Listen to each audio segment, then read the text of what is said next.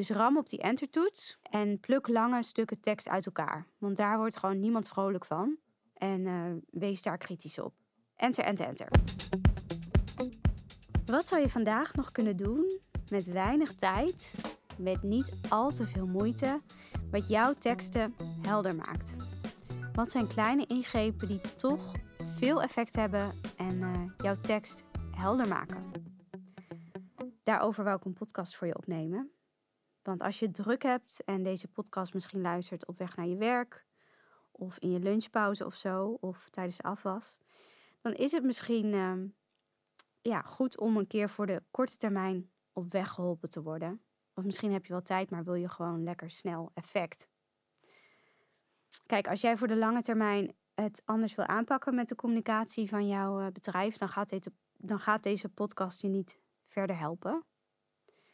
Niet alleen uh, deze podcast in zijn eentje tenminste, dan heb je meer nodig. Laat ik daar duidelijk over zijn. Natuurlijk zit begrijpelijke taal uiteindelijk in uh, ja, ook kleine aanpassingen maken in woorden en zinnen en in details. Maar daar is wel een bepaalde denkwijze voor nodig en een uh, strategie. En langere tijd begeleiding het liefst. Maar toch zijn er een aantal dingen die je kan doen om uh, met de weinige tijd die je hebt, een tekst of een brief of een webpagina te publiceren waar je tevreden over bent. En die lekker helder is. Daarvoor uh, heb ik dus een paar simpele ingrepen voor je. En het hoeft dus niet ingewikkeld te zijn. Hè? We houden het even simpel. En we houden het ook een beetje kort. Dan kun je na deze podcast direct aan de slag. Als je echt weinig tijd hebt of heel snel resultaat wil, dat kan natuurlijk ook, dan uh, zijn dit drie dingen die je kunt doen die je tekst al een stuk helderder maken dan hoe je hem eerst voor je had. En twee daarvan gaan over de vorm, want dat is toch uh, het makkelijkst in dit geval. Als eerste maak je je tekst nu al overzichtelijker als je meer op de enter-knop drukt. Dus meer witregels in je tekst gaat zetten. En uh, daardoor maak je alinea's.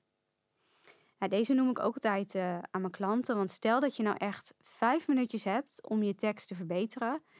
En om hem helder te maken voor de lezer die hem voor het eerst ziet. Echt een paar minuutjes. Hè? Dan heb je geen tijd om op woord- en zinsniveau aan de slag te gaan. En zelfs een goede titel bedenken of uh, tussenkopjes bedenken, dat red je dan gewoon niet. Zorg er dan voor dat je tekst in ieder geval beter leesbaar wordt door een structuur. En die structuur die zit hem in meer dingen, maar voor nu kunnen witregels al heel erg helpen.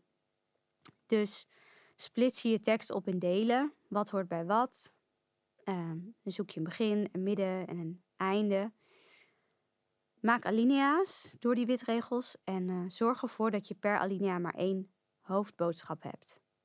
En als er in één alinea al meerdere belangrijke dingen staan die met elkaar gaan concurreren, dan is dat het punt waar je witregels gaat maken. En dan is het ideaal als je ook nog kan kijken um, of, er nu, of er nieuwe tussenkopjes uh, moeten komen. Maar we gaan er even van uit dat je weinig tijd hebt. Of gewoon op zoek bent naar wat snelle ingrepen. Dus ram op die entertoets. En pluk lange stukken tekst uit elkaar. Want daar wordt gewoon niemand vrolijk van. En uh, wees daar kritisch op. Enter, enter, enter. Dat was de eerste ingreep voor een uh, helder tekst met snel effect. Wat je als tweede kan doen, en hier heb je iets meer tijd voor nodig dan een paar minuten, is een aantal komma's vervangen door punten. En daarmee bedoel ik dat je kritisch kijkt naar de lengte van je zinnen. Een goede richtlijn voor de maximale lengte van een zin is 15 woorden. Dus als jouw tekst bomvol zinnen staat die langer zijn dan 15 woorden, dan is die alleen even afgaan op de zinslengtes niet lekker helder. Natuurlijk zul je af en toe wel komen aan een zin boven de 15 woorden. Ja, daar kom je meestal niet uh, onderuit, maar zet er niet te veel van in je tekst. En wissel af. Afwisselen is eigenlijk het allerbelangrijkste hier. Dus als er een keer zo'n lange zin in zit, zorg er dan voor dat de zinnen daarna weer wat korter zijn. Nou, hoe dan ook, kritisch kijken naar lange zinnen dus. En Een snelle en soms simpele manier om dit te doen is om komma's te vervangen door punten. Als je de komma's in je tekst opspoort, dan zul je zien dat op die plek vaak ook wel een punt kan staan. Dat zie je bijvoorbeeld bij tangconstructies, van die hele lange zinnen met een soort van bijzin in het midden die weer tussen twee komma's staat.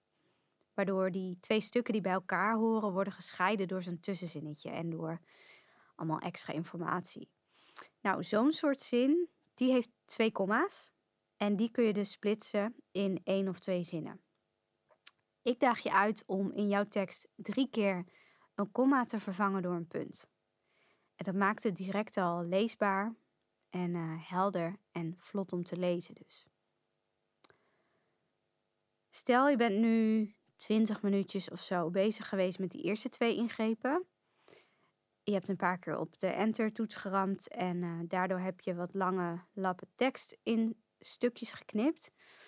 En je hebt een aantal lange zinnen korter gemaakt of gesplitst.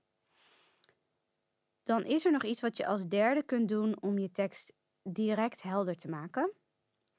En dat is het woordje worden opsporen in je tekst. En vervoegingen daarvan natuurlijk. Dus um, ja, zet je Ctrl-F aan, of welke sneltoets is het ook weer, dat je je woorden kan opzoeken in teksten. En zoek dus naar woorden of woord. In veel gevallen, als het woord worden in een zin staat, dan is die zin passief. Dus dan is het zo'n soort zin als deze. Met de werkzaamheden mag pas begonnen worden nadat een positief besluit is genomen op uw aanvraag. Nou, hier staan uh, meer passieve werkwoorden in dan alleen maar woorden. En ja, je kan sowieso nog meer sleutelen aan deze zin, maar we focussen even op worden. Met de werkzaamheden mag pas begonnen worden. Dat is best wel stroperig, toch? Je maakt hem helder door ervan te maken. U mag pas met de werkzaamheden beginnen nadat een positief besluit is genomen op uw aanvraag. Dus u mag pas met de werkzaamheden beginnen in plaats van met de werkzaamheden mag pas begonnen worden. Als je hier dus woorden weghaalt en in plaats daarvan zegt wie het doet, dan klinkt dat meteen al actief en dus helder.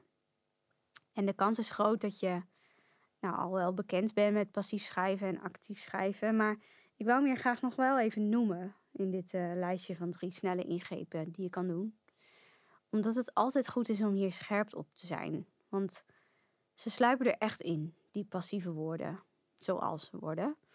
Vooral als je snel even een tekst hebt geschreven en er niet echt uh, over hebt nagedacht hoe begrijpelijk het is. En uh, misschien in iets te formele taal hebt lopen typen. Dus scan nog eens door je tekst en wie weet kun je een keer of een paar keer woorden eruit slopen. En uh, de zin iets ombouwen waardoor die actief wordt. Dus welke drie vrij simpele dingen gaan jou vandaag direct helpen naar een heldere tekst? Dat was één, druk een aantal keer op enter. Twee, vervang komma's door punten. Drie, sloop het woordje worden een paar keer uit je tekst.